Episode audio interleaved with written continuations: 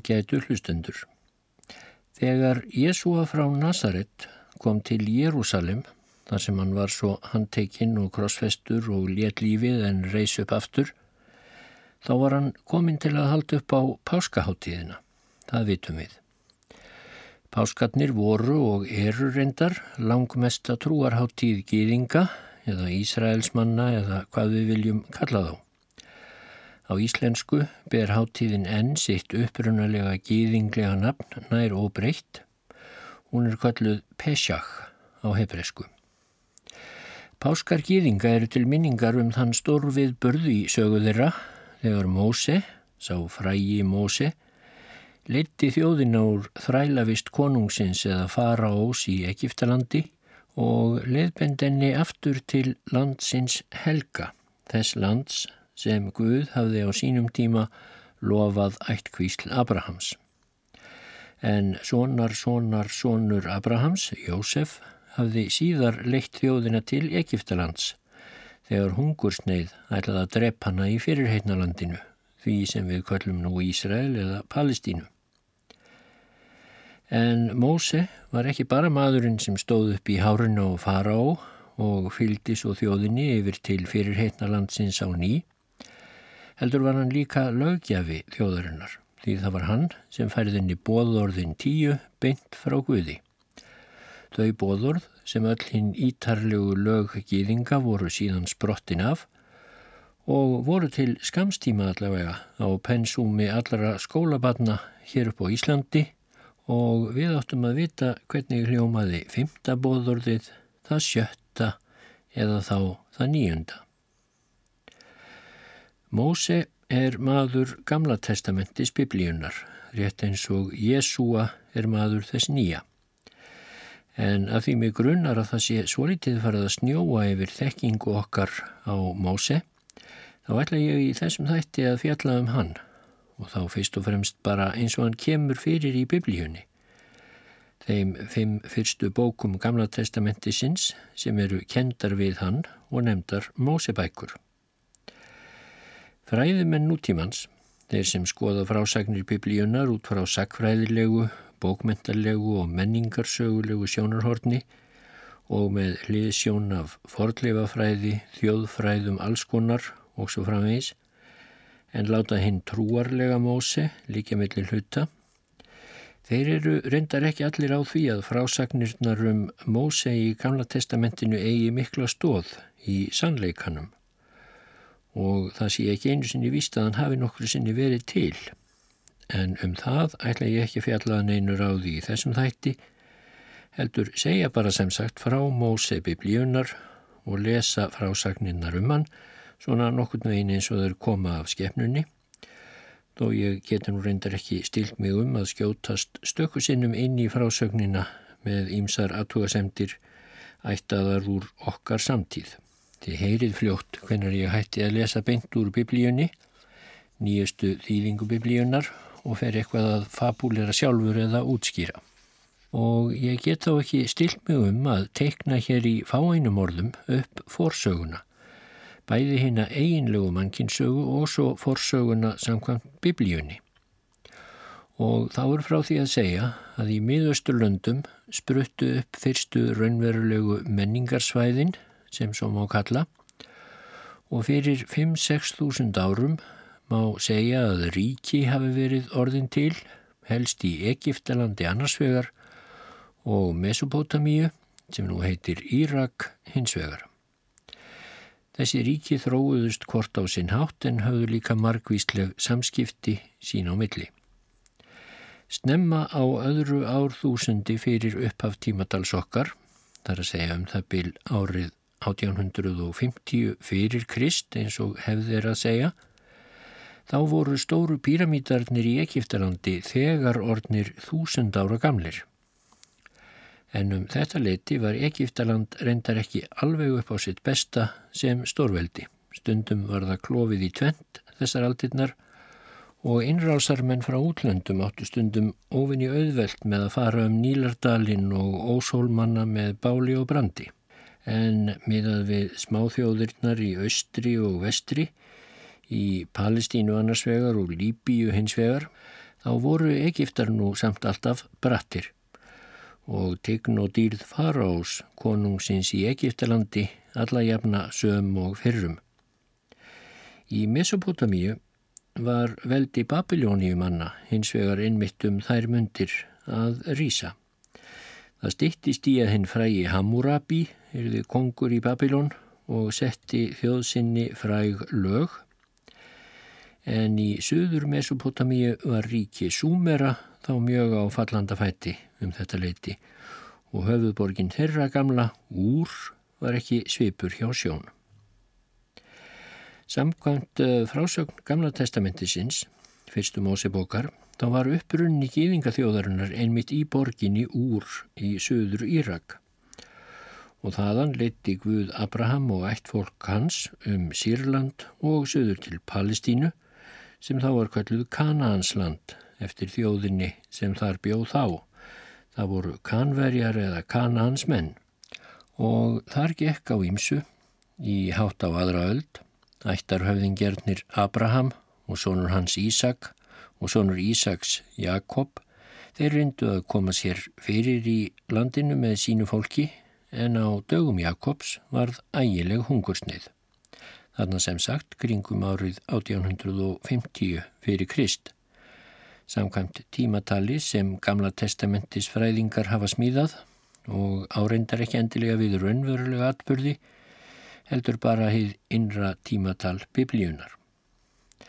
Svo vildi þá til að sá næst yngsti af tólf sónum Jakobs, Jósef að nafni, Hann hafði rakist nokkru fyrir hungursneiðina til Egiptalands undan öfund bræðra sinna og eftir röð tilviljanna og ævintýra þá var Jósef orðin einn helsti potentátti í Egiptalandi, ennbættismadur og trúnaðarvinur fara ás. Þegar bræður Jósefs komu frá Kananslandi til að byggja um neyðaraðstóð í hungursneiðinni þá umgaði Jósef sig yfir þá og fekk leifi Farós til að bjóða allri ættinni til Egiptalands og þar fengu bræðurnir bólfestu á svo góðum stað í Egiptalandi í Óshólmum Nílarfljóts að nafn þessa staðar hefur síðan verið tákn og ígildi halsnækta og blómleika. Þetta var sjálft Gósenlandið. Og í Gósenlandi byggu svo Ísraelsmenn eins og nú má faraði kalla þá, eða þá Hebrea. Þeir byggu sem sagt í Gósenlandi í 200 ári eða svo, samkvæmt frásögn Gamla testamentisins og framan af í mjög góður í sátt við heimamenn.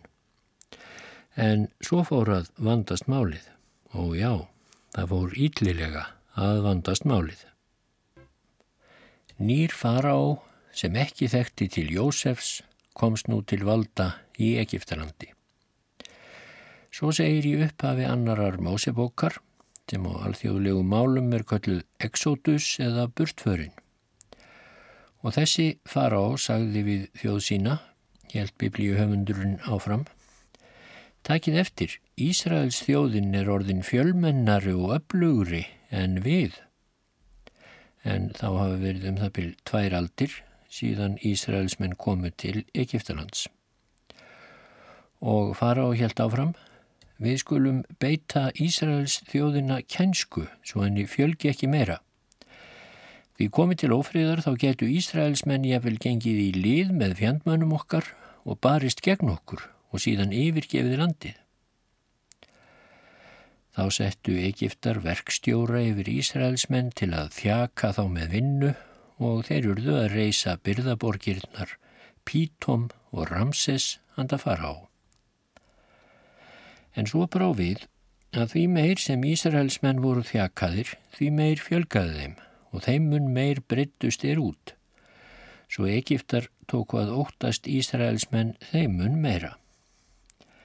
Þeir gerðu því Ísraelsmenn að sangkvöldum þrælum og beittu þá hörku, gerðu þeim lífið leitt með þungri þrælavinnu við leir og tígulsteinagerð og allskynnsvinnu á ökrunum og með margvíslegum öðrum væðarlausum þrældómi. Ég er rétt að ítrekka það sem ég sagði á þann um það leiti sem þetta gerðist, nú eða gerðist ekki, Þá voru píramítarnir ornir þúsund ára gamlir og það er því ekkert hæft í þeim myndum sem stundum eru dregnar upp að Ísraels menn hafi nú verið látnir púla við að reysa stóru píramítana fyrir fará. Þeir voru löngu komnir upp. En það var vist ná annað að starfa samt. En Egiptalands konungur vildi þó ekki fjölga vinnuafli sínu of mikið, þvert að móti. Því nú segir í Mósebókinni að Farao hafi talað við hebreysku ljósmæðurnar en þær voru tvær, segir í annari Mósebók. Það geti sjálfur sér bent til þess að ef til vil hafi Ísraelsmenn ekki verið svo margir að Farao hafi þurft mjög að óttast úr því allri þjóðinni dögðu tvær ljósmæður.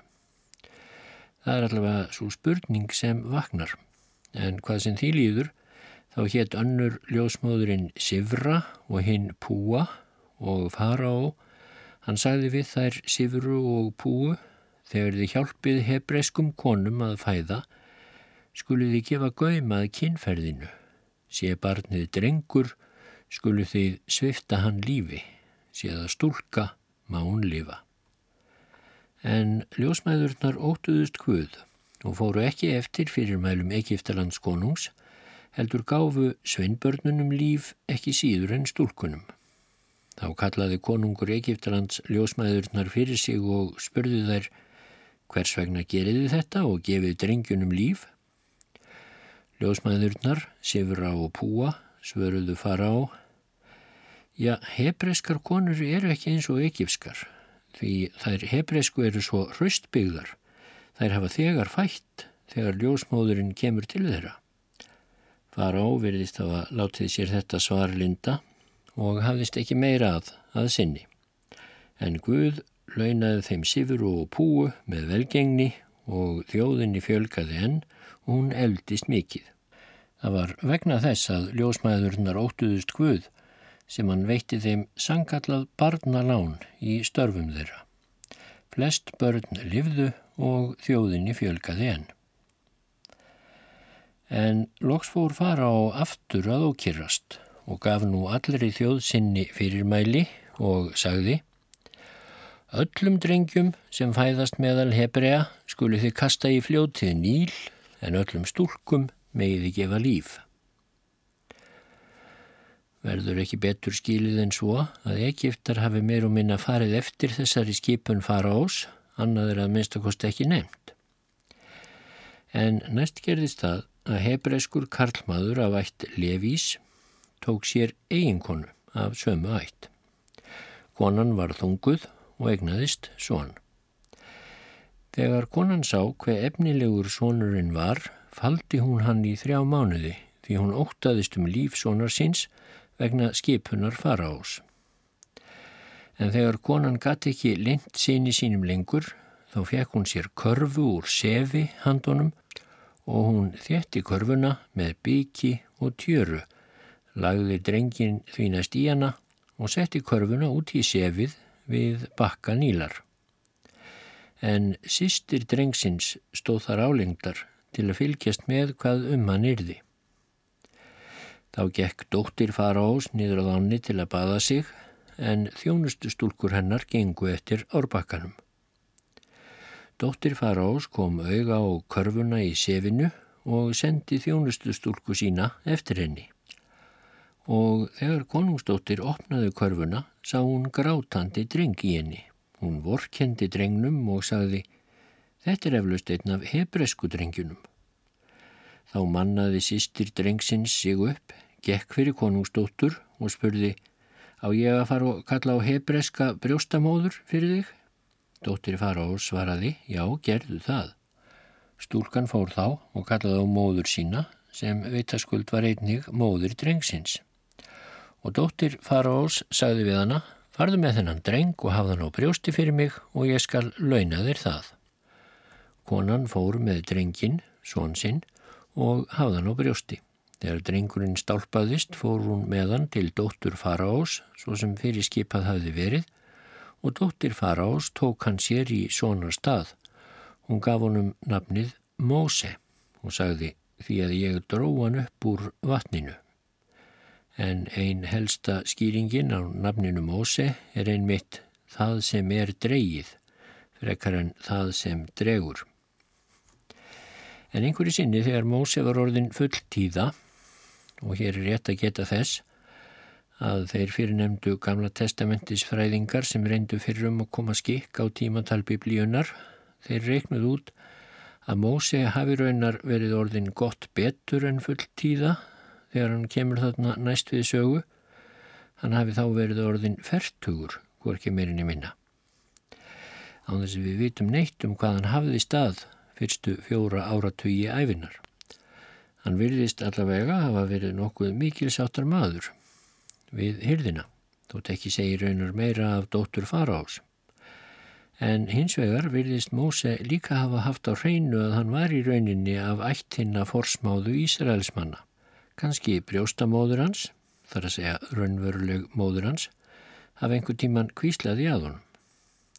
Alltjent segir nú í Exodus að Móse hafi gengið út til ættbræðara sinna og hort á þá við hvaðavinnuna eða þrælkunina eða hvað við kjósum að kalla það sem eh, Ísraelsmenn þurftu að púla við.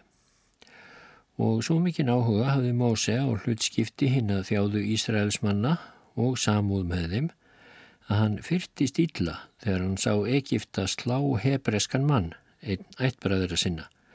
Móse leiti í allar áttir og þegar hann sá að enginn var nærri þá sló hann Egiptan banahögg og gróf hann síðan í sand. Þannig hugðist Móse sleppa við afleiðingar gjörða sinna. En dæin eftir gekk Móse aftur út og sá þá tvo hebreska menn takast á. Þá spurðan þann sem sló fyrsta höggið hvers vegna slærð þú félagaðinn? Og hann svaraði, hver setti þig, höfðingja og dómara yfir okkur? Ætlar þú eftir vilja að drepa mig eins og þú drafst Egiptan í gær? Móse var þá mjög hrættur og hugsaði, þetta hefur allt komist upp. Og sannarlega var svo og brátt frétti að sé að sjálfur fara á um morðið sem Móse hafi framið. Og hann vildi nú þegar í stað láta dæma Móse til dauða fyrir ílverki sitt. En Móse flýði undan fará og kom sér fyrir í Midianslandi þar sem hann setti stað við brunninn. Midian er landsvæði sem nú tilherir Sáti-Arabíu nema kannski allra nýrsti hlutin Jórdaníu. Þetta er svæðið upp af austurströnd þess Akapaflóa sem sker sig í norðaustur úr Rauðahafinu og myndar þannig sína í skagan. Til þess að komast frá Egiptilandi til Midian á flótta sínum undan fara á, þá hefur Móse sem sagt þurft að fara yfir allan sína í skagan. Það er um það byrj 370 kilometrar í beinni línu frá Gósenlandi til Midian.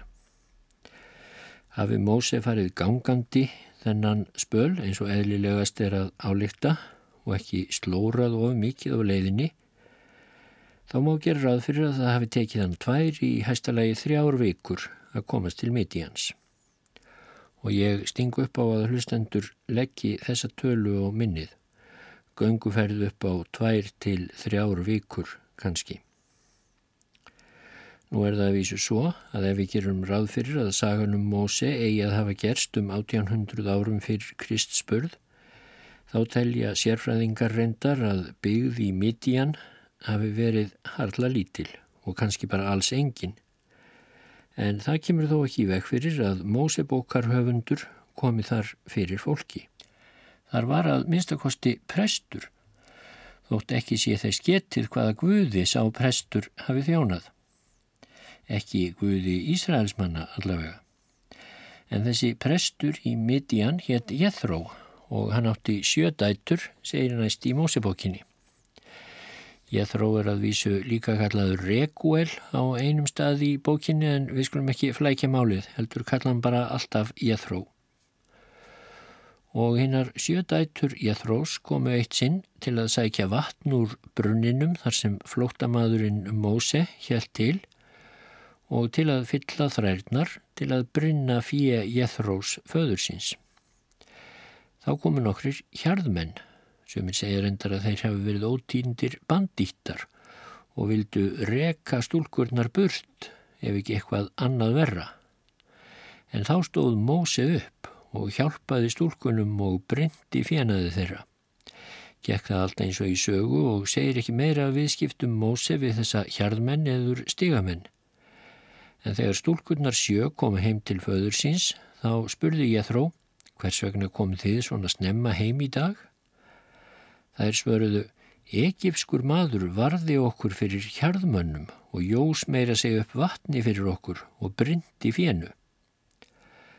Þá saði Jethro prestur við dætur sínar, nú hvar er hann, hvers vegna skilduði mannin eftir, bjóðu honum inn svo að hann fá eitthvað að geta og er nú skemst frá því að segja að dæturnar náðu í Móse, buð honum inn fyrir og þar kom að Móse ákvaða verum kyrt hjá Jethro presti sem gaf Móse fyrir konu Sippóru, eina af sínum sjö dætrum og hún ólunum fljótlega són.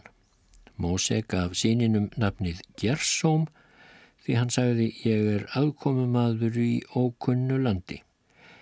Ég hefur endar ekki upplýsingar um hvað Gersóm þýðir nákvæmlega, kannski þýðir það gestur eða eitthvað álíka. En svo bjó Móse með Sippóru konu sinni og síninum Gersóm í landinu Midian í mörg ár. Það minnstakosti segir Mósebókar höfundur næst, mörgum árum síðar dó Egiptalands konungur. Rétt er að taka fram að ef markam á tímatal útreikninga Gömlu testamentis fræðingana sem ég hef þegar minnst á uh, þá leiður endar gott betur en mörg ár þángar til fara og lést. Það munu hafa verið hvorki meirinni minna en 40 ár. Og þá tók nýr fara á við og var engu miskunnsamari í gard Ísraels manna en hinn sálaði Egiptakongur, segir í Exodus. Ísraels menn stundu undan þrældómnum sem á þá var lagður og kveinuðu og kveinuðu og neyðaróp þeirra stegu upp til Guðs. Þegar Guð heyrði kveinstafið þeirra, sem hann virðist þá sem sagt ekki hafa heyrt áður, þá myndist hann sáttmála síns við feður þeirra, Abraham, Ísak og Jakob, um að hebrear eða Ísraelsmenn væru Guðs útvalda þjóð og skildu eignast land í Kanaanslandi og Guð leitt til svona Ísraels og byrtist þeim, segir í Mósebók. Móse hafði þessi 40 ár verið fjárhyrðir hjá tengdaföður sínum Jethro presti í Midian. Móse var sem sagt komin um áttrætt en enþá bersýnilega í fullu starfi sem fjárhyrðir. Einu sinni rak Móse fjesitt langt inn í eðimörkina og kom þá að Hórep, fjalli Guðs sem kallað var. Það er að vísu svolítið erfitt að koma því heim og saman við að Móse hafi búið í Midjanslandi með fjölskyldu sinni því Hórep fjallið er hinumegin við Akapaflóa og það reynir nokkuð á trúkirnina að fólk í Midjanslandi hafi haldið fjesínu til beitar í Hórep fjalli, að minnstakosti ef það er rátt við það fjall sem flestir fræðimenn telja nú. Því það eru hátt í 200 kilometrar millir Hórep fjalls og Midjanslands og erfitt að ímynda sér að Móse hafi skeiðað þá leið oft með kindurnar, sér í lagi því hann var orðin áttrætt gamalmenni en tímin leiðrindar svolítið öðruvísi í þá daga virðist vera. Nú eða þá að líkamstar sem hinn hafi verið önnur því þessir vandlega getið í Gamla testamentinu að margir af ættfæðurum gýðinga og sumar af ættmæðurum þeirra líka hafi orðið æfa gömul, jáfnvel lifað í aldir. En varðandi fjallið þar sem hinn áttræði Móse helt sem sagt hjörðinni Það voru reyndar ekki alveg allir sammálum hvaða fjall Mósebóka höfundur var að meina og eitt þeirra er vissulega ekki nema 50 km frá Midian. Kanski var ekki ofverkið Móses ef hann bar elli sína vel að tölta með skjáturnar þá leið sem er eins og millir Reykjavíkur og hveragerðis. En látum það nú allt líka millir hluta. Það er vissulega tekið fram í bókinni að Mósi hafi rekið fjösitt langt inn í eðimörkina og hann er alltjent stattur með fjárhjörð Jethrós tengdaföður síns við Hórefjall og þá byrtist honum engil Guðs í elds loga sem stóð upp af þyrnirunna. Móse sá að runnin stóð í ljósum logum en brann þó ekki. Móse hugsaði þá með sér, ég verða að ganga nær og virða fyrir mér þessa mikilfenglegu sín hvers vegna brennur runnin ekki? Þegar drottin í runnanum sá að Móse gekk nær til að verða þetta fyrir sér, þá kallaði Guðu til hans úr miðjum runnanum og virðist þá hafa tekið þar í einni svipan stöðu engilsins sem áður var sáður hafa verið í runnanum og Guð sagði Móse, Móse og Móse svaraði, hér er ég Drottin sagði þá, konti ekki nær, heldur drag skóð þína af fótum þér, því að staðurinn sem þú stendur á er heilug jörð. Og Guð bætti svo við til að kynna sig, ég er Guð föður þins, Guð Abrahams, Guð Ísaks og Guð Jakobs. Og hafið leikinn einhver vafi á því fyrr hvort Móse vissi að hann væri Ísraels maður, þá má það nú heita ljóst orðið því Móse huldi andlit sitt því hann óttaðist að líta Guð. En þá saði drottin, ég hef nú séð eimt þjóðarminnar í Egiptalandi og ég hef heyrt kvein hennar undan þeim sem þrælka hana. Já, ég þekki þjáningu þjóðarinnar. Ég er komin hingað niður til að bjarga henni úr greipum Egipta. Kvein Ísraels manna er komið til mín og ég hef einnig séð hvernig Egiptar kúa þá. Farðu nú af staðmósi, ég sendi þig til faraós. Leittu þjóð mína, Ísraelsmenn, út úr Egiptalandi. Móse svaraði Guði, hver er ég að ég fari til faraós og leiði Ísraelsmenn út úr Egiptalandi? Guð sagði, ég mun vera með þér og þetta skal verið þér tákn þess að ég hafi sendt þig Þegar þú hefur leitt þjóðinu út úr Egiptalandi þá muniði þjóna Guði á þessu fjalli. Móse sagði þá við Guð, ef ég kem til Ísraelsmanna núna og segi við þá, Guð feðra ykkar hefur sendt mig til ykkar og þeir spyrja mig, hvert er nafn þessa Guðs, hverju á ég þá að svara þeim? Guð sagði Móse, ég er sá sem ég er og hann bætti við, svo skaltu segja við Ísraelsmenn, ég er, sendi mig hingað til ykkar. Þetta er nafn mitt um aldur og æfi, heiti mitt frá kyni til kyns, ég er. Og ennfremur, saði Guð við Móse, farðu nú og stemdu saman öldungum Ísraels og segðu við á, drottin Guð feðra ykkar byrtist mér, Guð Abrahams, Ísaks og Jakobs og hann sagði Ég hef fylst gömgefilega með ykkur og því sem ykkur hefur verið gert í Egiptalandi. Ég hef því ákveðið að leiða ykkur úr þjáningunni í Egiptalandi til lands Kanverja, Hetita, Amorita, Perisita, Hevita og Jebusita til þess lands sem flýtur í mjölk og hunangi til fyrirheitna landsins. Öldungar Ísraels munu þá hlusta á þig og þú skalt fara sjálfur á samt þeim til Egiptalands konungs og segja við hann Drottin Guð Hebrea byrtist okkur, nú viljum við fara þrjár dagleðir inn í eðimörkina og færa drottni Guði okkar sláturfórnir.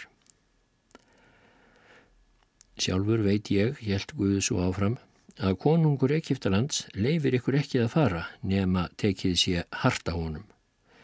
Ég mun rétta út hönd mína og brjóta Egiptaland á bakhaftur með öllum máttarverkum mínum sem ég mun gera þar. Þá fyrst mun fara og slepp ykkur. En ég mun hins vegar láta ykkur njóta velvildar egifsku þjóðarinnar sjálfrar, svo þið farið ekki tómhendir þegar þið haldið burt. Hver kona skal byggja grannkonu sína eða aðkomu konu í húsi sínu um silfurgripi og gullgripi einnig um klæði, því skuluð láta síni ykkar og dætur bera þetta og þannig skuluð ræna Egipta. Guði hló greinilega hugur í brjósti. En Móse svaraði og sagði, en ef öldungar Ísraels trúa mér ekki og hlusti ekki á mig, heldur segja, það var ekki Guð sem byrtist þér. Þá sagði drottin, hvað ertu með í hendinni? Staf, svaraði Móse. Þá sagði drottin, varpaðu stafnum til jarðar. Móse varpaði nú staf sínum til jarðar og varðan að eitur slöngu og Móse hörfaði undan eiturslöngunni, þá sagði drottin við Móse, réttu út höndina og griftu um halan á eiturslöngunni og Móse rétti út höndina, tók um halan á slöngunni og varð slangan þá aftur að göngustaf í hendi hans. Þetta, saði Guð, verður til þess að þeir geti trúað því að drottin Guð feðraðeira, Guð Abrahams, Ísaks og Jakobs hafi í rauninni byrstir.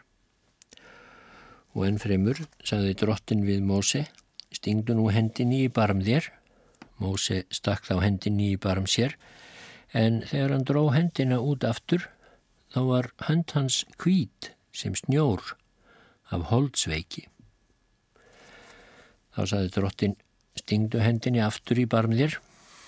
Móse stakk þá hendinni aftur í barm sér, en þegar hann dró hann út til sín, þá var hann aftur orðin eins og annað hörund hans og Guði sagði ef þeir trúaðir korki nýja láta sannfærast af fyrra hjartekninu þá munu þeir láta sannfærast af hinnu síðara þegar þú virðist skindilega orðin holdsveikur en læknast svo jafnharðan aftur. En fari svo að þeir trúi korki þessum tveimur hjarteknum nýja hlusti á þig yfirleitt þá skaltu sækja vatni níl og auðsa því á þurrt land þá verður vatnið sem þú sóttir í ána að blóði. Þá saði Móse við drottin, Æ, drottin minn, ég hef aldrei málsnjall verið, hvorki áður fyrr, nýja þaðan af síður núna eftir að þú fórst að tala við mig þjónlinn. Mér er trekt um mál og tungutak. Ég held ég sé ekki rétti maðurinn. Drottin svarað honum, hver gefur manninum munn Hver gerir hann mállausan eða heyrnarlausan, sjáandi eða blindan? Er það ekki ég, drottin? Og farðu nú, ég verð með munniðínum og kenni þér hvað þú ótt að segja. Móse saði, æ, drottin minn, sendi einhvern annan. Þá rittist drottin Móse og saði, er ekki levítinn Aron bróður þinn? Ekki hafi verið minnst á þennan bróður Móse áður í frásögn Mósebókar. En Aron þessi hefur sem sagt verið komin í hópa mektarmanna meðal hinn að hrjáðu Ísraelsmanna sem kurðu enn og nú við Ídlan kost í Gósenlandi. Guð kallar Aron Levita en það vísar ekki aðeins til þess að hann hafi verið á eitt kvísl Levís heldur voru Levítar eins konar aðstóðarprestar í gýðingdómi fyrir tíma. Guði helt áfram. Ég veit að Aron bróður þinn er vel máli farin. Hann veit af þér eldri bróður sínum og hann er meira síða í þann vegin að halda af stað hingað út í eðimörkina til mótsviðig frá Egiptalandi og hann mun gleðjast af heilum hug þegar hann sér þig. Þú skalt tala til Arons og leggja honum orði í munn en ég verð sjálfur með munni þínum og munni hans og ég mun kenn ykkur hvað þið eigið að segja, bæði frammi fyrir öldungum Ísraels og síðan frammi fyrir Farahó. Aron á að tala til þjóðarinnar fyrir þig, hann verður munnur þinn en þú verður honum sem Guð. Þú skalt taka þennan staf þér í hönd og gera hjarteknin með honum. Móse fór nú aftur til Jethrós, tengdaföður síns, og sagði við hann. Ég vil fara til ættbræðra minna sem eru í Egiptalandi og sjá hvort þeir eru enn á lífi. Þró prestur svaraði, far þú í friði. Og drottin byrtist nú Móse í Midian og sagði við hann, legður nú af stað aftur til Egiptalands, þið bráðasta og verdu ósmeikur, því allir sem sóttust eftir lífiðinu eru nú dánir. Móse sótti þá konu sína og síni tvo setti þau upp á asna og helt aftur til Egiptalands og Móse hafði staf Guðs í hendi sér. En nú mátti Móse vera orði ljóst að sendiför hans var kannski eilítið flóknari en hann hafði ætlað. Því nú saði Guð við hann, þegar þú kemur til Egiptalands á ný, þá skaltu gæta þess að gera öll þau undur sem ég hef falið þér að gera frammi fyrir farahó. En ég mun þá herða hjarta farahós, svo hann leifi þjóðminni samt ekki að fara. Þá skal þú segja við fará, Ísrael er frumburður Guðs, því segi ég við þig fará, sleftu síni mínum, svo að Ísrael geti þjónað Guði, en ef þú sleppir Ísrael ekki þá mun Guð drepa frumburð þinn. Aldrei hef ég, sem hér tala, séð fullnægjandi skýringu á því af hverju Guð fór þessa floknu og bæði fyrir Ísraels menn og Egipta þjáningarfullu leið til þess að fá fara á til að sleppa Ísraels mönnum úr þrældómi og úr landi líka. Það er að segja, hann gerði Móse út til að byggja ættmennum sínum gríða og lausnar en gaf Móse um leið til kynna, allt frá byrjun, að hann myndi sjálfur koma því svo fyrir að beðininni þið hafnað. Og það myndi því kosta grimmilegar hóttanir og jafnvel mandráp áður en málið leistist. En svona hvað skuðið að hafa það einhverja hluta vegna. Og það er kannski ekki fyrir okkur döðlega menn að fylgja Guði eftir á hugarflugi hans eða skinja hinn fítni blæbreyði í áallanagerðinni. En reyndar virðast öll hafi verið farin að hegða sér nokkuð enkenlega þegar þarna er komið sögu. Því nú kemur næst einhver furðulegasti kapli biblíunar saman lagrar. Hann er ekki langur, ekki nema þrjú vers. Það er önnur Mósebók, fjórði kapituli, vers 24 til 26. Það gerðist á leiðinni til Egiptalands á næturstaðeinum að drottin réðst á Móse og ætlaði að drepa hann. Þá tók Sippóra, kona Móse, tinnustein og skar yfir húðina af sinni sínum. Hún snerti með henni tippið á móse og sagði, þú ert mér blóð brúðgumi. Þá slefti Guð móse, það var þá sem hún notaði orðið blóð brúðgumi vegna umskurnarinnar. Jáhá, svo mörg voru þau orð. Það skal að vísu tekið fram að í íslensku biblíu þýðingunni segir að Sippóra hafi snert fæturmóse með yfirhúðinni eða forhúðinni af gersóm sinni þeirra en jáfnframt kemur skýrt og greinilega fram í neðanmálskrein að fætur sé í þessu tilfelli veigrunnarorð fyrir kinnfæri og alveg ástæðulegst er að tala einhverja tæpitungu um það svo ég segi bara tippið á mósi. Sippora verðist sem sé hafa bjargað lífi eiginmannsins þegar Guð ætlaði að drepa hann með því að umskera í snatri svon sinn, svon sem þá var væntanlega ekkert ungbann heldur uklaust komin nálagt fertugu og snerti svo tippið á einmanninum með forhúð sonarins. Það sem þarna gekk á, það hafa gamla testamentisfræðingar gætnan skýrt eitthvað á þessa leið Eftir að hafa búið meðal midjansmanna í 40 ár þá var Móse löngu hættur að fylgja lögmáli Ísraelsmanna. Hafa hann þá einhver tíman gert það, alin upp af dóttur Farós eins og við höfum heyrt. En mjög mikilvægur þáttur í lögmáli Ísraelsmanna sem byggt var á sáttmála Guðs við Abraham sem segir frá í 17. kapitula fyrstu Mósebókar var umskurður sveinbarna. Allt karlkín meðal ykkar skal umskera, sagði Guði í sáttmálunum þeim.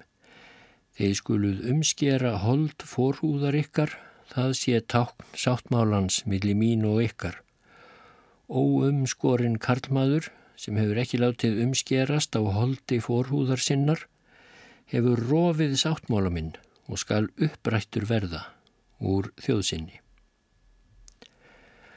Svona var þetta nú. Og hvaða skilning sem við leggjum í að Guð hafi látið sig einhverju varða hvort sveinbörn voru umskorin eður ei, þá er kenningin sem sagt svo að Móse hafi ekki látið umskera svonsinn Gersóm en það hafi hann í 40 eða hvaða nú var ár búið á eða í námunda við heimili heiðingjapressins Jethrós með sinni ramlega heiðnu eiginkonu Sippóru og vafalaust verið orðin nærri heiðin sjálfur. Og þessu hafi Guð skindilega reyðst svo að hann hafi ráðist að Móse á næturstaðnum og ætlaði að drepa hann fyrir að ganga gegn lögmálinu með því að sker ekki húðflipan fram af tippi sonarsins. Það er auðvitað engin glóra í þessu. Guð sem treysti sér til að herða hjarta fara ós, svo hann leti að vilja sínum, hann hefði vantanlega átt auðvelt með að sannfæra Móse um þetta lítilræði og hafa hann ætlað að gá hvort Móse myndi átt að sjá því sjálfur að réttast væri að hann umskjæðir í gersóm og orði reyður þegar Móse síndi engan lit á því, þá hefði Guð sem var svo máttugur að hann gæti látið rauðahafið gera vilja sinn Hann hefði auðvitað léttilega getað drepið Móse öðruvísi en að stökka á hann úr launsátri um miðjanótt og fara að tuskast við hann eins og hver annar stigamadur. En svona vildi höfundur annarar Móse bókar hafa þetta og þar sem menn trúðu fyrðu lengi að Móse sjálfur væri höfundur Móse bókana, þá hlutu menn náttúrulega að trúa því um leið að þarna væri Móse sjálfur að lýsa því sem fyrir hann hefði komið. Allt væri byggt á sönnum atbörðum eins og það heitir í glæpamyndum nútímans. En sé þessi skýring á hennum stór skrítna atbörði í nætturstaðnum rétt, þá var það sem sagt Sippóra sem bjargaði lífi eiginmannsins þegar hún stökk fram og umskar gersóm í einum kvelli, svo Guð hefði ekki framar undan neinu að kvarta. Þó ekki get ég ímdað mér hvers vegna hún taldi sig svo þurfa að snerta hérna svo nefndu fætur Móse með forhúð sonar hans. En það hefur auðvist verið einhver mjög djúb merking í því þótt við skiljum hann ekki nú. En þetta dugði allavega til þess að Guð hætti við að drepa Móse eða uppræta hann úr þjóðsynni eins og líka var komist að orði í fyrri Mósebókinni en Sippóra var greinilega öskur reið yfir því að hafa þurft að skera í svonsinn. Merking orða hennar um að nú væri Móse hennar blóðu brúðgumi er sennilega eitthvað á þá leið að ef hún hefði ekki gifst honum þá hefði hún ekki þurft að drýja þennan skelvilega og blóðuga verknað sem Ísraelsmönnum fannst að vísu sjálfsagður en ekki henni heiðinu dóttur Jæþrós Midjanprests. Væntanlega hefur hún síðan umskorið Ingrísson þeirra Mósi, Eliesir að nafni, sem auglaust hefur líka verið með í för.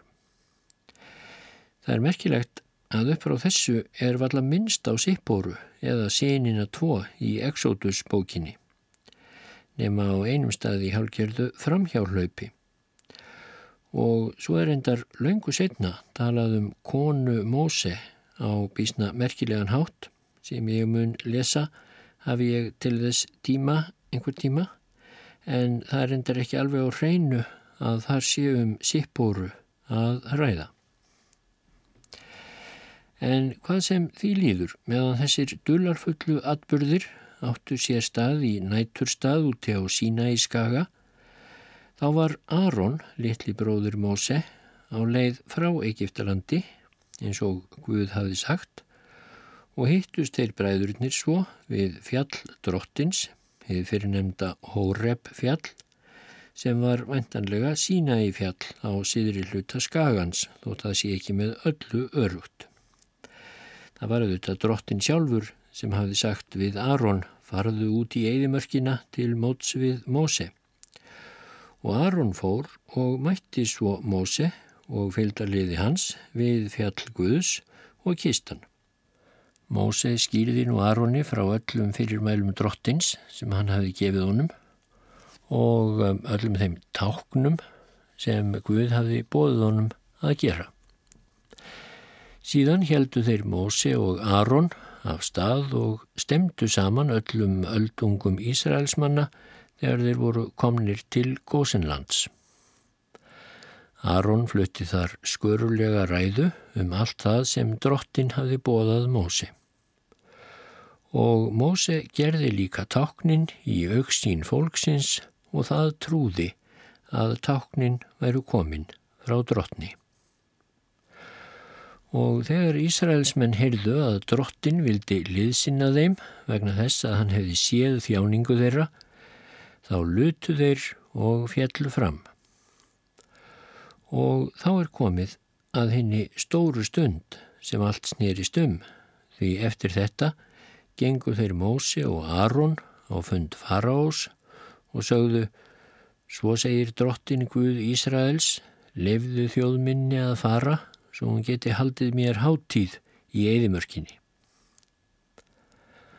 Fara og spurði, hver er sá drottin sem ég á að hlýða með því að leifa Ísrael að fara? Ég þekk ekki þennan drottin og ég leifi Ísraelsmönnum bara alls ekki að fara neitt. En þeir bræður svöruðu, Guð hefriða byrtist okkur Við viljum fara Ísraels menn þrjár dagleðir inn í eðimörkina og færa þar drottni, Guði okkar, sláturfórnir, svo hann láti korki drepsótt, nýja sverð koma yfir okkur. Þá saði Egiptalands konungur við á.